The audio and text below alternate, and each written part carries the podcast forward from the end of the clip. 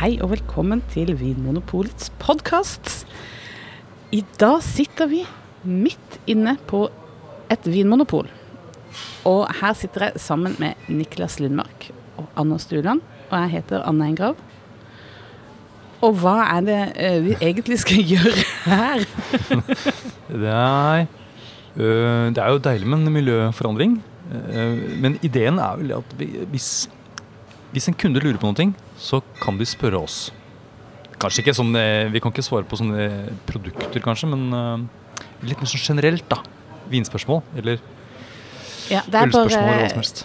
det at det er ikke så mange kunder akkurat her vi sitter. Nei, de går, de går rundt her, men de Så øh, litt jeg, kanskje? jeg føler at de går i en sånn stor bue rundt. Eh, vi sitter jo ikke i den mest populære delen av øh, butikken. Det gjør vi ikke. Nei, vi sitter foran eh, Vermetylla, så alle som skal ha vermet i dag, de kommer til å bli stoppa, rett og slett.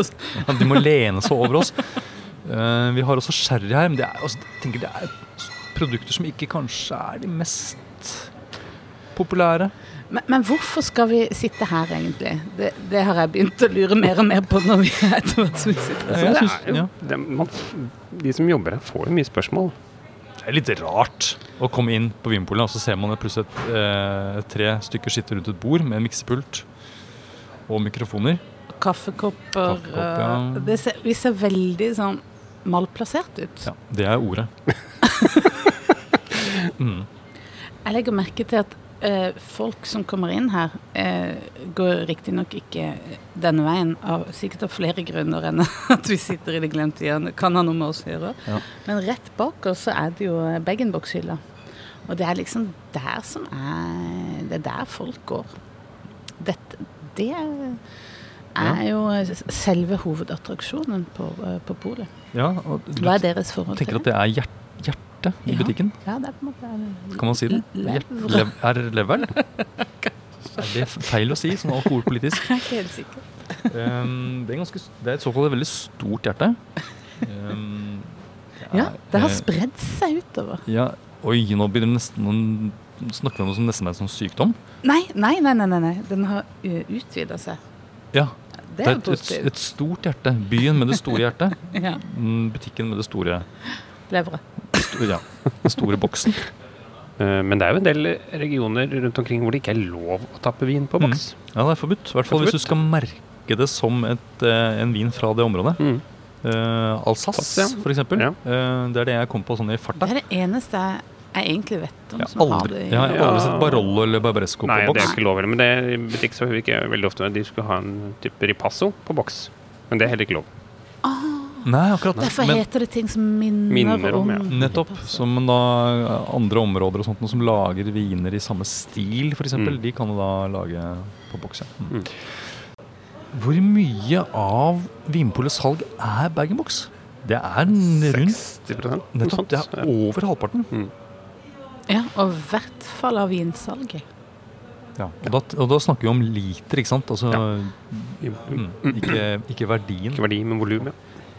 Og jeg ser at det er både bag-in-box og sånne tetrapacks, eller sånn melkekartonger med skrukork. Ja, for det er lett å tenke at bag-in-box bare er disse treliterne, men de, men man får det i, i tolitere. Mm. Eh, det husker jeg litt sånn Når jeg begynte i Vinpolet, da var jo var, fantes det bare fi, tre bag-in-boxer den gangen. Tre Typer, liksom. Tre typer. Og den ene, det var en tiliter fra, fra Portugal. Den skal du ta med deg hjem på Det, er, Det er til restauranter og sånn. det tenkte jeg liksom at det var nesten som sånn derre eh, Når jeg så den, det var ikke, ikke veldig sexy innpakking heller, så tenkte jeg liksom at dette her, denne her boksen her, den kunne like gjerne vært eh, noe som tilhørte hjelpemiddelsentralen. Eller på en måte storhusholdning. Eller på en måte liksom Det var ikke Det skilte seg litt ut, da. Altså, vi har jo snakka med noen kunder, da. Mm. Og de har stilt oss veldig mange spørsmål. Vi måtte bare gå fordi det ble så mange spørsmål. så nå kan vi jo prøve å svare på det eh, her på podden også. Ja. -hmm. Ja. Kundene har jo gått videre. De har gått videre. Ja, de har gått videre, men vi har notert ned spørsmålene. Uh, vi fikk et fra uh, Matt. Han yes. snakker engelsk, men vi kan jo oversette det til norsk nå som han ikke er her. Og han var en, en ung fyr som vandra litt sånn hvileløst rundt. Eh, og han, da vi spurte om han hadde noe han lurte på med vin, så var han eh, litt sånn Ja, hva er liksom greia med det at man skal sette vin sammen med mat? At det er sånne derre pairings. Mhm. Veldig interessant spørsmål. Ja, Ja. skjønner ikke at det er noe vits, liksom. Men han fikk et oppfølgingsspørsmål da, om han drakk vin bare fordi han var tørst. Nei, det var, det var ikke derfor. Det Nei. var uh, fordi han ville show off. Så han var veldig ærlig på det. Ja, for han skulle ha, uh, han skulle ha kjæresten på, på middag. Ja. Mm. Hva skulle du spise? Uh, var det chicken satay? Ja. Kylling satay. satay. Som er en eh, Det er jo en indisk eh, rett med Det er mye sånn cashewnøtter. Det er en sånn, mye sånn nøtt, nøtt fløte mm, Nøttesaus. Ja, liksom. med sånt herlig krydderpreg i, i bunn. Ikke veldig sterkt. Nei. Um, nei, jeg tenker det er litt sånn Så nøttepreget uh, og denne fete sausen. Mm. Du ga jo da han da et veldig godt, eh, et godt forslag. Eh, en, en god vin, syns jeg. Ja, for han var liksom innstilt på det at han eh, skulle ha en rødvin. Og så sa jeg er det helt det samme for deg om du vil ha rødvin eller hvitvin. Ja, sa Ja, han under tvang. For Ja, han fordi han- hadde egentlig tenkt seg en rødvin. Ja, og han hadde ikke tenkt det ut selv, nemlig. For han, jeg, jeg, jeg fikk med at han hadde søkt på nettet, online, Oh, ja. og der sto det at det var rødvin som gjaldt. Men, men du fikk jo han over på hvitvin. Ja, for jeg syns det ville vært en lettere måte å, å matche de aromaene fra den nøttesausen. Ja, hvorfor det? Fordi at det ligner mer, egentlig, er vel det korte svaret på det. Ja. Aromaene i eh, enkelte hvitviner ligner mer på Du har litt Altså, nøttearoma her, ja. mm. Og så er det det der, denne sånn fete sausen. Ja. Eh, og da er det godt å ha denne friskheten fra hvitvinen. Rødvin er jo ikke så friskt som hvitvin, vanligvis. Uh, og så er det dette krydderpreget og liksom, den litt sånn sødmen i maten som jeg tenker kunne være litt utfordrende mot fruktigheten i rødvin. Uh, som kanskje ville dempe opplevelsen av frukt, og da få fram snerpen. Men det, det problemet får man ikke da med hvitvin. Så jeg syns det var et veldig godt Jeg ville jo sagt akkurat det samme til Matt. Jeg ville jo snakket han fra rødvin Ja. og. Han var, eh, han var veldig medgjørlig. Han var veldig Ikke en spesielt vanskelig kunde. Nei. Men, men de som Han fikk altså en- vil ha rødvin, hva, hva Ja, bare for å si hva han Ja, fikk. ja, For han fikk unnskyld. en eh, chardonnay fra Jura, som har, er liksom litt Ja. rykel, har litt sånn fat Spennende. Og Ja, og hvis han ville hatt Hvis han ville insistert på det med, med rødvin, Mm. Da ville jeg nok ha eh, Oi, nå plinger de her fordi det er masse folk i kassa. Det har ikke noe med oss å gjøre. Jo, da ville jeg ha eh, tenkt på det at eh, Måtte hatt noe som er litt ah, Da ville jeg begynt å tenke på at den burde vært litt utvikla igjen. Altså. Mm. Fordi at det, det er jo det der nøttepreget. Mm. Det er, det, er ikke sånn, det er ikke en fruktig rett. Nei. Nei. Du får en, en litt utviklet, og du får litt det krydra preget som gjerne får litt, fra litt fatlagring og sånn. Ja. Tørka frukt og sånn som du får. hjem. mm. Jeg håper å bli fornøyd, da, selv om han på han virker ikke som han var så sånn superinteressert i det selv. Nei, han sa jo Eh, det tydelig. Men jeg tenker at man skal ikke eh, Det er så lett å undervurdere seg selv. Eh, Jeg er ikke sånn kjempeinteressert. Jeg er ikke noe sånn feinschmecker, men allikevel tenker jeg at de aller fleste vil allikevel eh, kjenne forskjell. Mm. Og jeg tror at eh, jeg, jeg tror og håper at Matt blir fornøyd med den hvitvinen til Og, og ikke minst kjæresten. Men eh, han spurte jo da helt sånn overordna også hva er greia med det å, å sette å bestemme drikken etter hva man har, skal spise. Mm. ja. Hva syns dere? Nei, jeg så har jeg lyst til å bare sende det spørsmålet raskt tilbake til deg. For det er, det er du, Anne, som er, egentlig er eksperten på dette feltet. Matoraklet. Jeg ikke. Jo, men jeg tenker jo det at eh, jeg ser nok ikke så atskilt på de to tinga som det Matt tydeligvis gjorde. At drikke var noe som tilhører en egen verden, og maten tilhører en helt annen verden. Så det var nesten sånn at spørsmålet ble nesten sånn uforståelig for meg, helt til jeg satt, prøvde å sette meg inn i, i Metts hode. Og han eh, eh, Sånn som jeg tenker på eh, en kombinasjon av mat og drikke, så ser jeg på det nesten som man lager en rett også. Mm. At du, du tar eh, Det blir som en ingrediens. Det blir egentlig. som en ingrediens i Mm. retten. Og at det er også greia med å sette drikke til. Nettopp. Et sånt tilbehør, nærmest. Ja. Som denne skålen du får ved siden av med, med et eller annet. Ja, med satai saus for eksempel. For eksempel. Mm. Mm. Så, det, så det betyr at det, Og det er kanskje noe der som er lettere å forstå kanskje for mange. At hvis det er noe du kunne tenkt deg å ha ved siden av retten, som et tilbehør, så kan det på en måte gi en sånn ledetråd for liksom, hvordan vinen skal være. Hvis du vil ha noe sånn Kunne tenkt deg litt sånn sitronskvis og noen grønne urter og sånt noe. Så kanskje det er det du skal se etter i en vin også. Mm, Det syns jeg er en god eh, idé. Men du er jo en, eh, en matmann, eh, Niklas. Du er veldig flink til å lage mat. Er det sånn du tenker eh, på når du setter vin til, du òg? Eller liksom, hva er det? Altså, enten så vil jeg eh, Altså, jeg er jo ute etter en god smaksopplevelse, det er jo derfor jeg gjør det. Eh, og så tenker jeg at eh, noen ganger så vil jeg underbygge noen av de smakene som kanskje er i retten eller er i vinen, at de kan forsterke hverandre. Og andre ganger så kan det være godt med at det er noe som er en kontrast. Så mm, Men det er det samspillet, det er liksom. samspill, ja, på et eller annet For jeg har møtt vinfolk som er sånn skikkelig vingeeks. Mm. Eh, det var spesielt en middag jeg husker jeg var på, det var i Tyskland. Og hun kona som hadde liksom invitert, det var et par. Og hun kona hun hadde altså hun hadde lagd åtte retter. Hun hadde brukt en uke på å finne ingredienser og forberede denne middagen. Og lagd noen helt fantastiske ting. Men ingen var interessert i verken maten eller samspillet av vin og mat, for de bare var opptatt av vin. Ja. Så det er jo Man kan jo bli så interessert at man liksom ikke bryr seg om maten også. Mhm. Det, er, det klarer jeg nesten ikke å forstå. Ikke heller. Jeg syns det var veldig trist. Ja.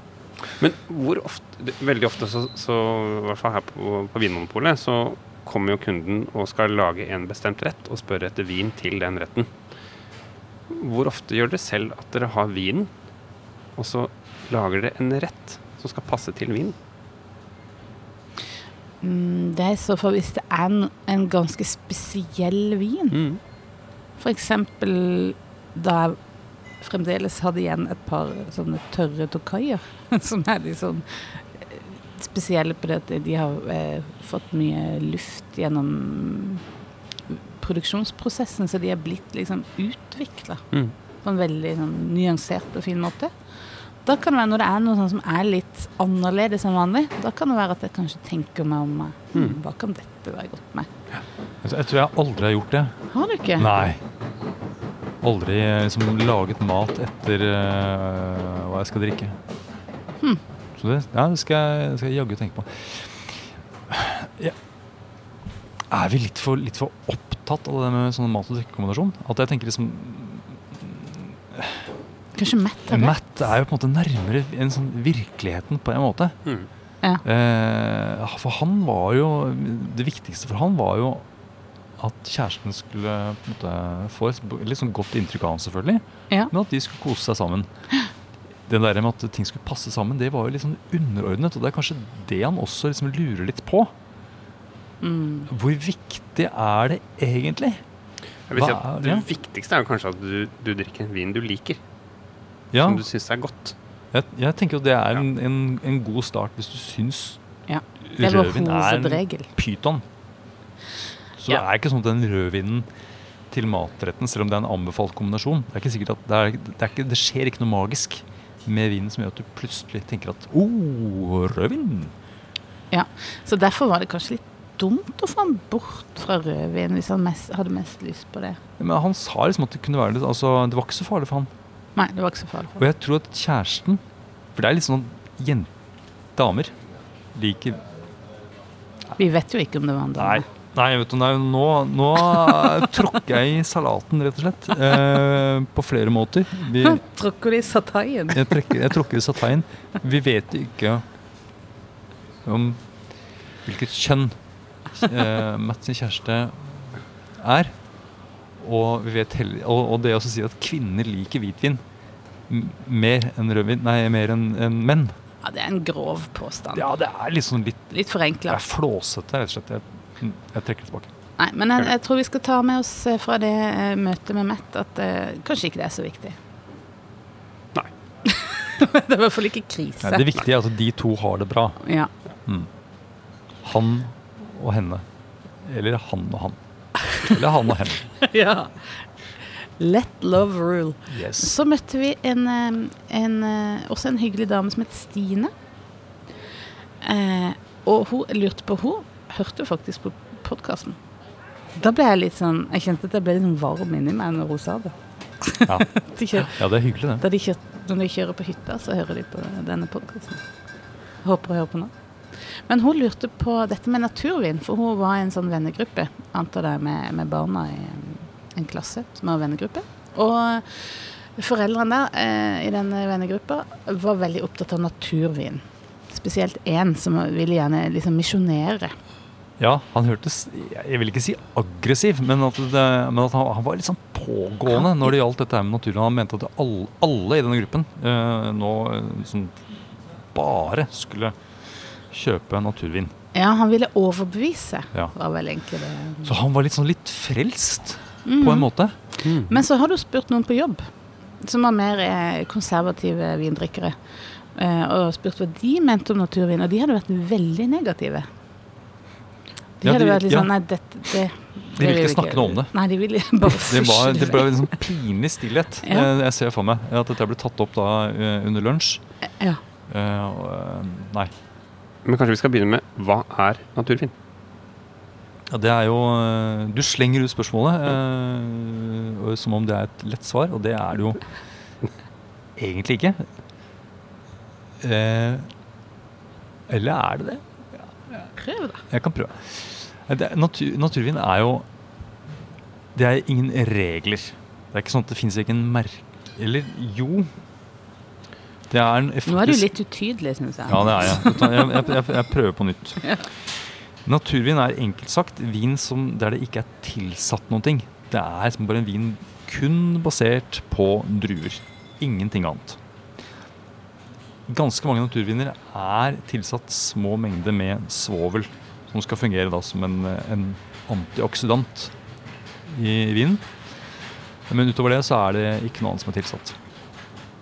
Eh, mens vanlig vin, da, ting, vin som ikke er naturvin, der er det jo i hvert fall muligheter for å tilsette sånn, enzymer for å få liksom, en del sånne prosesser til å gå bedre under produksjon. Og gjær, f.eks.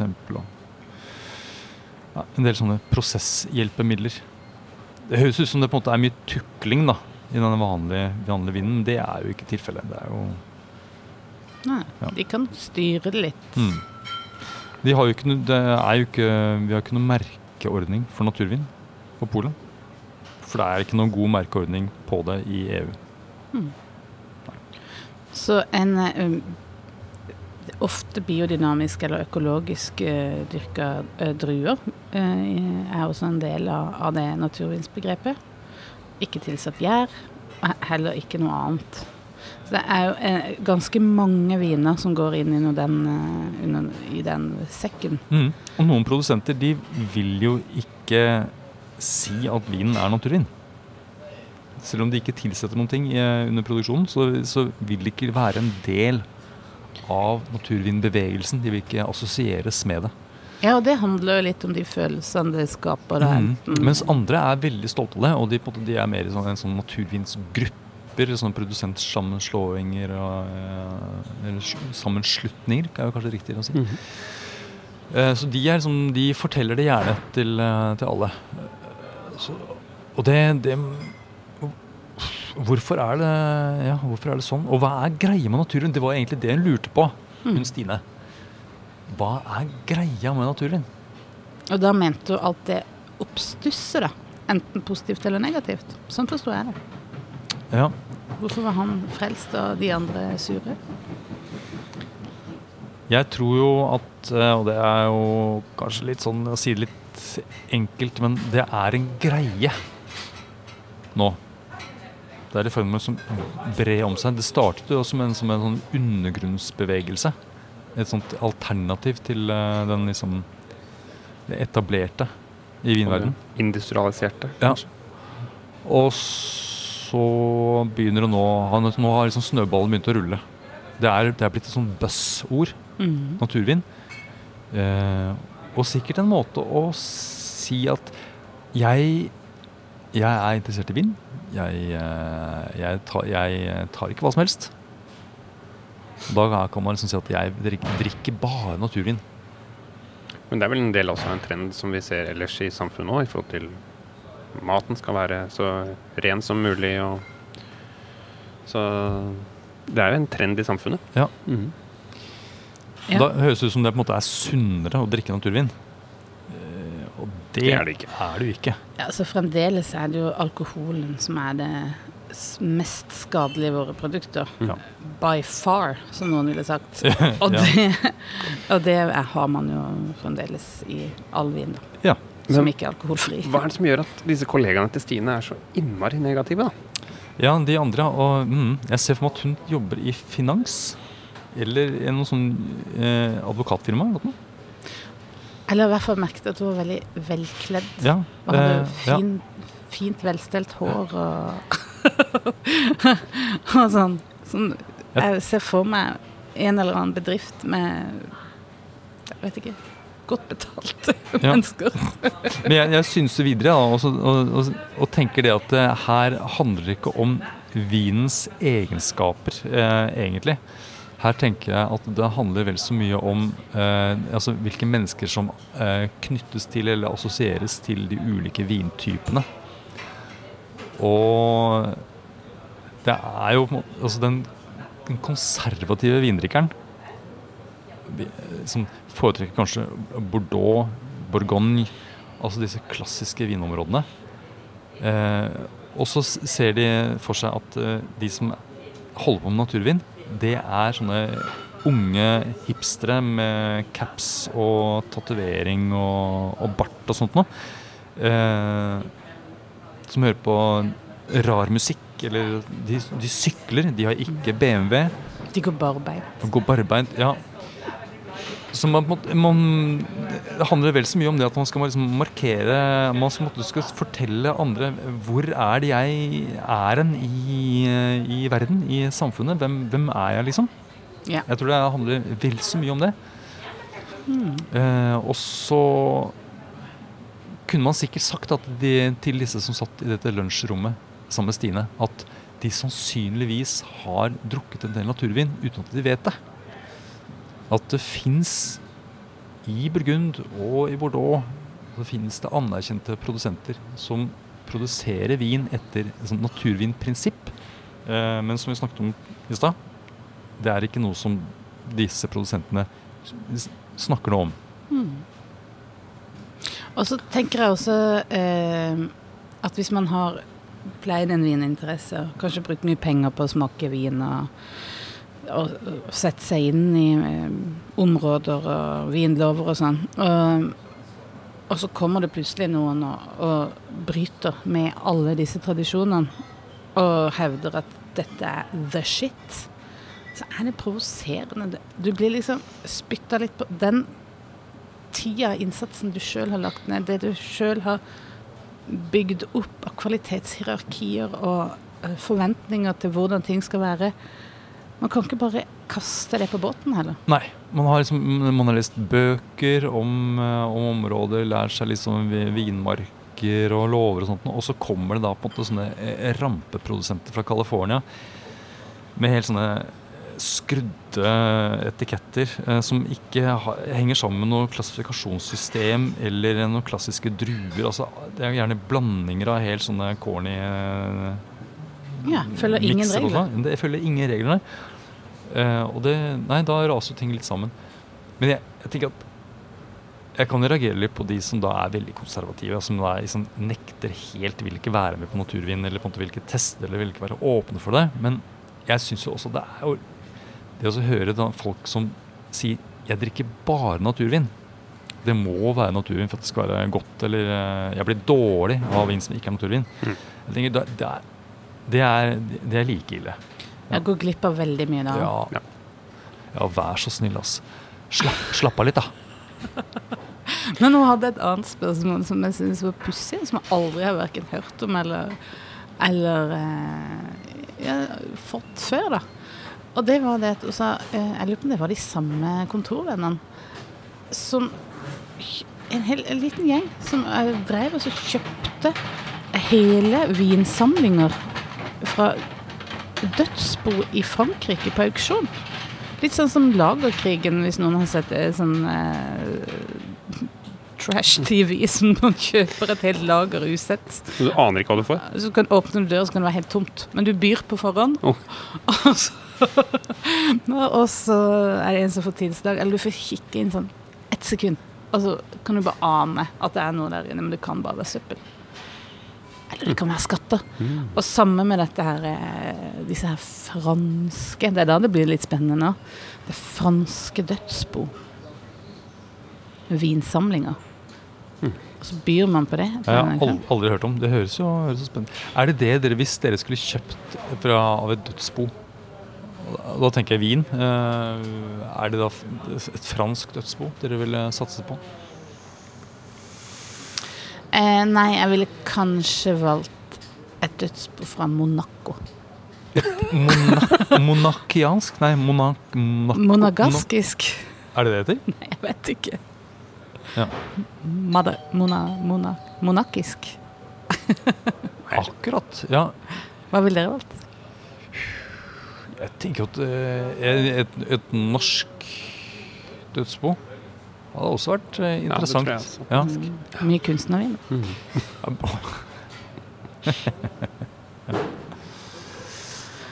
Ja, nei, men eh, vi, Nei, har ikke noe, vi har ikke noe godt svar å gi der. nei, altså. og jeg tenker det er jo altså, ikke det er noe dårlig, det er lite returmuligheter og sånt nå, Uh, hvis vinen ikke er helt som den skal være. Uh, Nei, det er, har jo sine fordeler da også. Det er liksom katta i sekken, Ja. rett og slett. Men eh, vi kunne jo tipse om at, eh, at Polet har jo egne auksjoner, da. Mm. Der privatpersoner kan selge enkeltviner og samlinger på lovlig vis. Ja, både døde og levende. Ja ja. Man kan være helt frisk for å gjøre det. Ja, det må ikke være dødsbo. Nei, nei, nei, nei, nei, nei. På Overhodet ikke. Nei. Og, og så møtte vi en annen kunde. Det var egentlig du som møtte eh, han Anders. Han het George. Ja. Og George, han skulle spise middag. Eh, og det er det sikkert flere som skal i dag. Um, han skulle ha en italiensk rett, eh, og den var sterk, sa Ja. han. Eh, det var mye pepper i den. Og så eh, tenkte jeg at mm, det må vi klare å hjelpe deg med, tenkte jeg da. Han vil ha rødvin til det. Ja, han vil gjerne ha rødvin. Og så begynner jeg da å stille sånne dumme, irriterende vinmonopolspørsmål. Eh, jeg, og det- fordi jeg spør da George Er det mye tomat i retten. Ja. Syns dere det er et rart spørsmål? Nei, jeg vet jo akkurat hvor du vil med det spørsmålet. Men George han så, han så da veldig sånn uforstående og rart på meg. Gikk et skritt tilbake. Og da skjønte jeg at det her på en måte nå, Nå glipper han. nå, Han glipper, ja. nå glipper fisken. Eh, fordi han, han skjønte liksom, Han hadde allerede liksom gitt meg den informasjonen han hadde. Og så skal jeg begynne å mase om det var tomat eller ikke. Og hvorfor lurer jeg på det? Jo, det er fordi at det, eh, tomat te, Da trenger du en vin som har en god del med fruktighet. I hvert fall hvis den ikke er sånn veldig veldig innkokt, den der tomatsausen. Fordi det er en del umami. Mye umami. Mm. Mm. Men jeg fikk ikke noe klarhet i dette med tomatene. måtte, her måtte vi bare gå videre, eh, sånn at ikke George var litt utålmodig. Eh, så da, Og han ville ha rødvin. Og han sto foran Italia-hylla. Eh, og så ville han litt ned han ville på en måte ikke, Det skulle ikke være så dyrt. Og jeg tenker at her, og han ville ha en vin som var Han sa 'strong', sa han. Og da, og da på en måte tolket jeg og da, da tolket jeg riktig også. Han ville ha en vin som det var en del alkohol i også. Men her er vi jo inne på et lite sånn um Ja, en, en liten Her vil det blinke noen røde lys, da. Hvis man ber om å få et, et godt drikketips til sterk mat, så vil jo det være det første jeg ville sagt. Eh, jeg syns du skal holde det til noe som har så lite alkohol som mulig. Fordi med den sterke maten så vil den alkoholen virke mye mer sånn Vil få det sterke til å bli veldig mye mer brennende. Men hva hvis du er ute etter det, da? Hvis du liker det? Ja, da ville det kunne gått opp. Så det er jo du, Nå tar du jo utgangspunkt i at han vil Ja. dempe det sterke. Dempe en, liksom, en viktig egenskap i maten, egentlig. Ja. Tenker, nå tenker du som en koreaner, du, Niklas. Ja. Mm. Men eh, da ville jeg sagt Hvis du da velger å sette en drikke til med høy alkohol, så vil du på en måte miste mye av drikken, da. Mm. Fordi at det, det brennende Eller den f heten fra det sterke Men, vil jo det ødelegge noe av men er det virkelig så stor forskjell? Jeg tenker altså, Rødvin generelt, da ligger vi sånn, som regel fra 12,5 til 14 Ja. det, er ikke, det er jo ikke sånn veldig stor forskjell i alkoholnivå, egentlig. Hvor, hvor mye har liksom 1 eller 1,5 ekstra med alkohol? å si? skulle ønske jeg hadde testa akkurat det nå. For jeg, kan ikke, jeg kan ikke fiske det fram fra Nei. hukommelsen. Nei, for jeg, jeg, jeg, skjønner hva du tenker på, men jeg, er sånn usikker på, på måte, hvor viktig det egentlig er. Ja, for det som eh, Det er tannin jeg egentlig er mest liksom, liksom, tenker at du, Hvis ikke det er nok frukt i vinen, så sitter jeg med på en måte strukturen. Spesielt hvis det er tomat inne i bildet. Nå, det fikk jeg ikke svar på. Det kan godt være at det var fløte. For eksempel, og da tenker jeg, da er vi, ja. jo, men Men, men hvilke sterke italienske retter er det vi har, da? Som vi kan komme på? Er det arabiata? Ja. Ja. Sånn tomatpasta med en tomatsaus med typ bacon guanciale eller, og Ja. litt chili. Og chili. Ja. altså er det pizza diavola. Ja, med Diavolo. sterk salami. Og så har du jo potanesca, som er sånn napolitansk tomat. Mm. Kapers, oliven, litt løk chili. Ja. Men skal jeg fortelle deg på en måte hva- hvordan jeg tenkte da videre? ja. Ja, fordi eh, han ville et, et godt stykke under 150 kroner. Eh, og han ville da ha en vin som var liksom litt fyldig og som hadde en del alkohol. Og så, ja, så tenkte jeg at jeg må, og her må vi ha en god dose med fruktighet i vinen. Eh, I tilfelle det er sånn tomat. Og også ikke, ikke for trå tannin, ikke for liksom for stram. Og da tenkte jeg at Portugal, der får man mye for penga. Der er det på en måte, og de, de nye portugisiske vinene de har veldig god munnfølelse. De er flinke vinmakere. De har god modning på druene. Så der får man sånne solmoden frukt i massevis. eh, Og bra med fylde, og ikke så ja, sånn stram, stram vin. Så du sa Jeg 'bli med meg her', da? Ja, jeg ledet han da bort til Portugal-hylla. Ja. Så, eh, og da tok han meg Nei, vent litt! For da Nettopp. Jeg fant fram en som jeg syns er like veldig godt, og som jeg på har smakt ganske nylig. Eh, lettere å anbefale det. Og, men den syntes han var litt dyr. Så da eh, måtte vi finne et alternativ, og da dro vi til Spania. Da fant Ja. en, eh, en Grenache-basert eh, rødvin fra, fra Navarra. Du kunne kanskje gått til Chile-hylla også? Det kunne jeg gjort. Det er Mange mange muligheter, egentlig. Men det er noe med det. Det er en nyttig øvelse når man står i butikk og får det spørsmålet, og så er det plutselig veldig mange flasker. Da blir det plutselig sånn. Så, og jeg blir litt sånn blank. Bare sånn, ja, hvor er det? Altså, det er mye lettere å sitte her og bable med dere om det, enn når du står sånn i øyeblikket på sånn, Ja, hvordan er det igjen? Uh, la meg tenke litt. Men du kan ikke tenke så veldig mye. Så det er fort gjort å gå eh, til de samme hyllene om igjen. Mm. Og sånn er det tenker jeg sikkert når man kommer inn som kunde der òg. At det er jo eh, et, Det er helt sinnssykt mange forskjellige eh, viner. Sykt mange flasker. Ja, og jeg, og, og jeg skjønner jo hvorfor en del fisk går eh, Eller svømmer. De går jo ikke, de svømmer i stim. For da er det jo mye vanskeligere å plukke ut den ene fisken Ja. når du er råfisk. Så hvis man tenker liksom at du er, kunden er råfisken som kommer inn, og så er det da en, en sånn sildestim av forskjellige viner. Hvilken skal, hvilken skal jeg velge? Hvis jeg hadde vært produktutvikler, så hadde jeg tenkt få på noen blinkende etiketter eller noe som skiller seg ut i den haugen. Ja. Eh, egentlig så skulle man kanskje hatt noe litt sånn, eh, en, sånn, en boks med noen sånne myke baller. Altså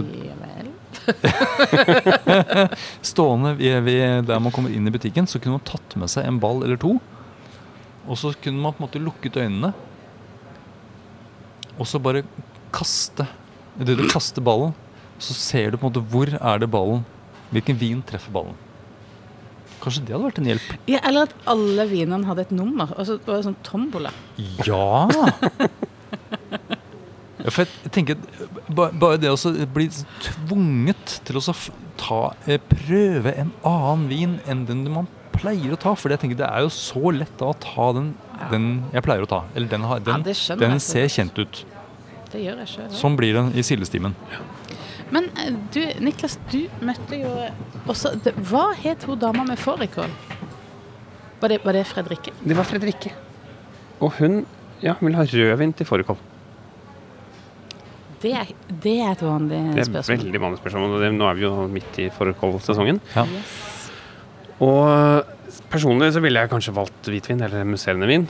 Eh, Men hvis jeg skulle valgt rødvin til fårikål, da Det er jo noe med det der litt sånn derre ja, Det er kål og kjøtt, og det er fett, og det er sånn innkokt. Um, så da tror jeg jeg ville hatt en litt sånn utviklet rødvin. Eh, noe som har litt det der eh, Litt fat, litt tørka frukt, litt sånn eh, ja, Ja. krydder. Ja, vi, er veldig godt for det. ja, vi snakket jo om dette her med hvilke tilbehør ville du valgt til fårikål. Eh, og jeg Jeg ser for meg at jeg ville ikke hatt noe sånn, en skål med ferske, ferske solbær og bjørnebær mm, ved siden til, til fårikålen. Nei, det er Hadde det vært noe, et godt tilbud? Det er ikke noe Kanskje man skulle ha prøvd det. Men uh, da- det ja. høres ikke sånn Det er ikke sånn at jeg Ja, det er naturlig å Ja, velge. for jeg tenker, da er det mye, mye sånn ung og fersk rødvin som da på en måte utgår, egentlig. Og, og kirsebær, morell, bringebær ah, jeg- ville vil ikke Nei. Mange har tyttebærsyltetøy ved siden av. Tyttebærsyltetøy, ja. Men Ja. tyttebær Er er, det jo vanlig? Ja. Ja, det er det. Mm. Ja, da er det ikke så rart. Nei, men tyttebær har ikke den der samme ferske fruktigheten. Det, altså, fruktigheten i tyttebær er jo nesten beveger seg nesten bort fra frukt. Den er jo mer over på noe liksom t- tre og bark og lyng og krydder. Mer enn eh, en sånn tydelig f- fruktighet. Mm.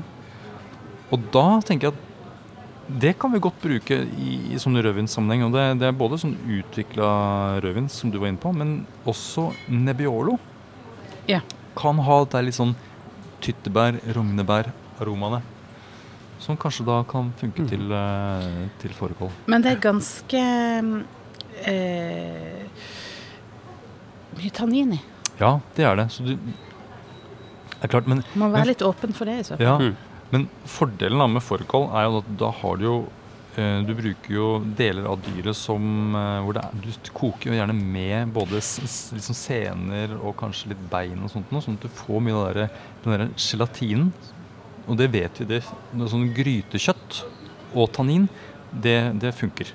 Ja. Det er disse proteinene fra kjøttet eh, som, som på en måte binder seg litt til, eh, til tanninen i vinen. Mm. Så det, så det er ikke sikkert at det er så dumt. Eller er det på en måte Eller er det andre ting i fårikålen som gjør det vanskelig med tannin? Det er kanskje den kålen. Den kålen. Ja. Eh, Det er ganske, det er ganske søtt. det, ja, det ja. Det. Kål er søtt når det er kokt. Så det kan være den sødmen altså, som, uh, som, som tar litt av den frukta, og da blir man fort sittende med en del tannin. Så du må kanskje være litt glad da, i litt sånn tørr vin, eller snerpende vin, hvis du eh, velger en Nebbiolo f.eks.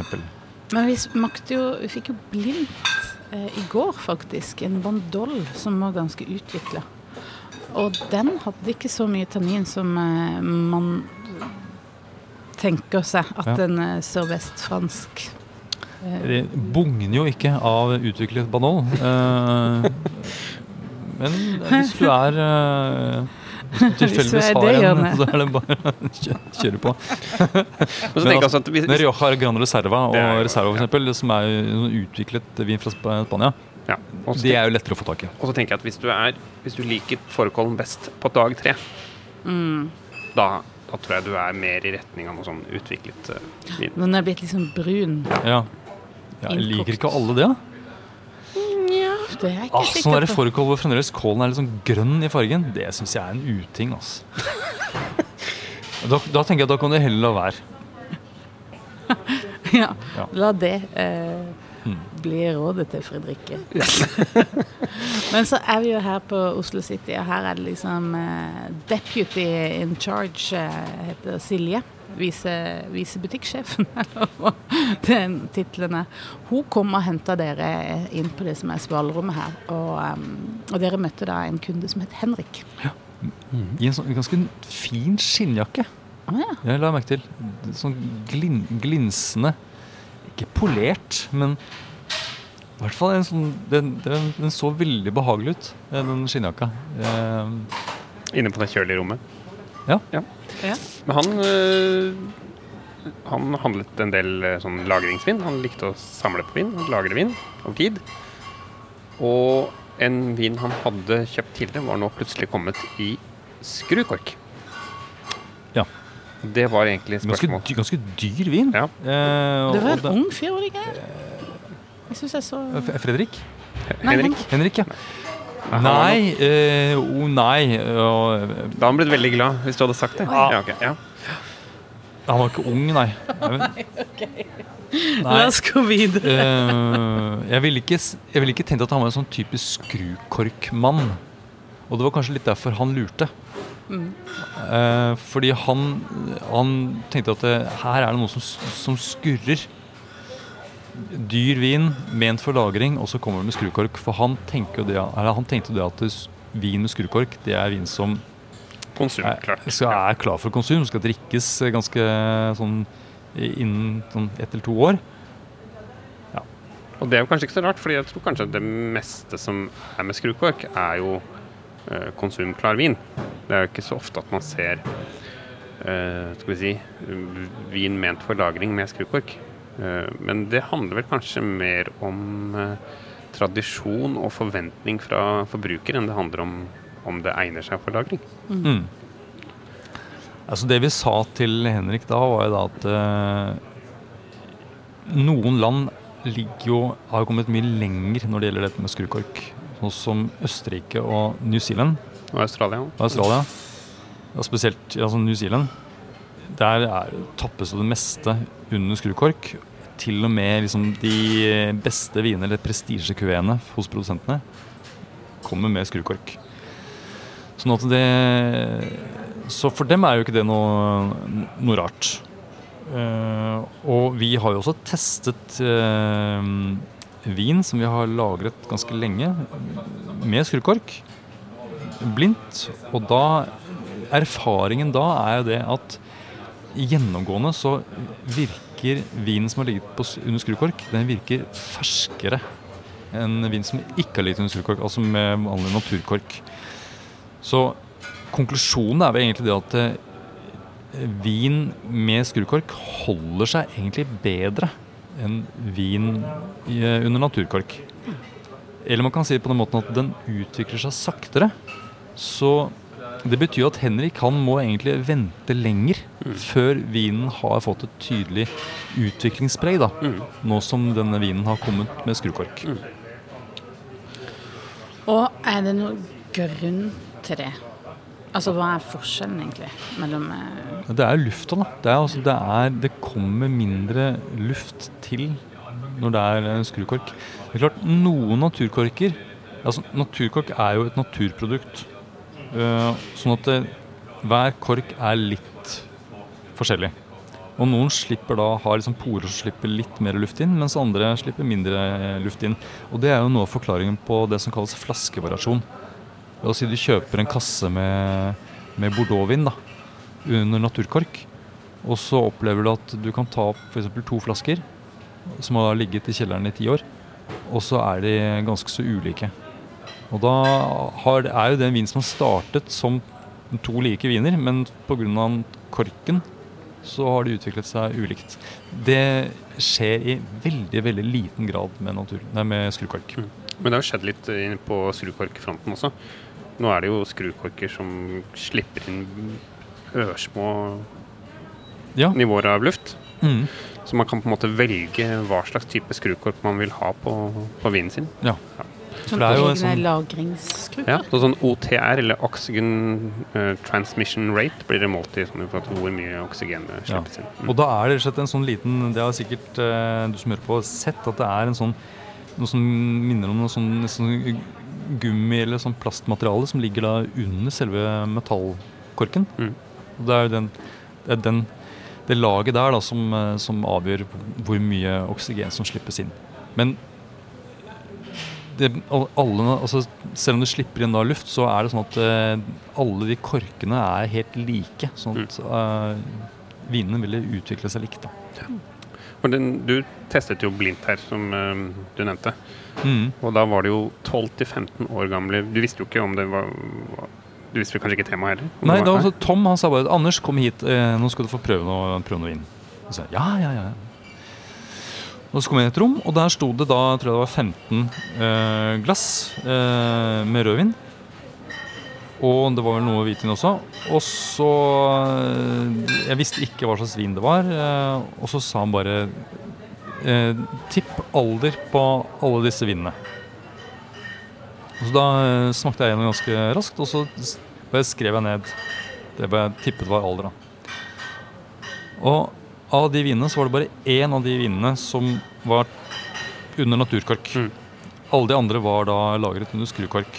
Og det var kun den vinen under naturkork som jeg tippet riktig alder. Ellers så uh, trodde jeg at de, de var sånn type ja, fem år gamle. da. Så de var altså De var 12-15 år gamle, og du tippet 2-5. De virket ti år yngre. Men eh, jeg føler at denne butikken begynner å fylle seg gradvis opp. Og tenk hvis folk vil ha vermut eller, Du sherry. eller sherry, så sitter vi faktisk litt i veien. Ja. Eh, kanskje vi skal bare pakke sammen, rett og slett. Ja. Kanskje komme tilbake en annen dag. Takk for at du hører på Vinmonopolets podkast. Har du forslag til et tema i podkasten? Send mail til podkast at vinmonopolet.no. I tillegg svarer kundesenteret deg på e-post, chat og telefon.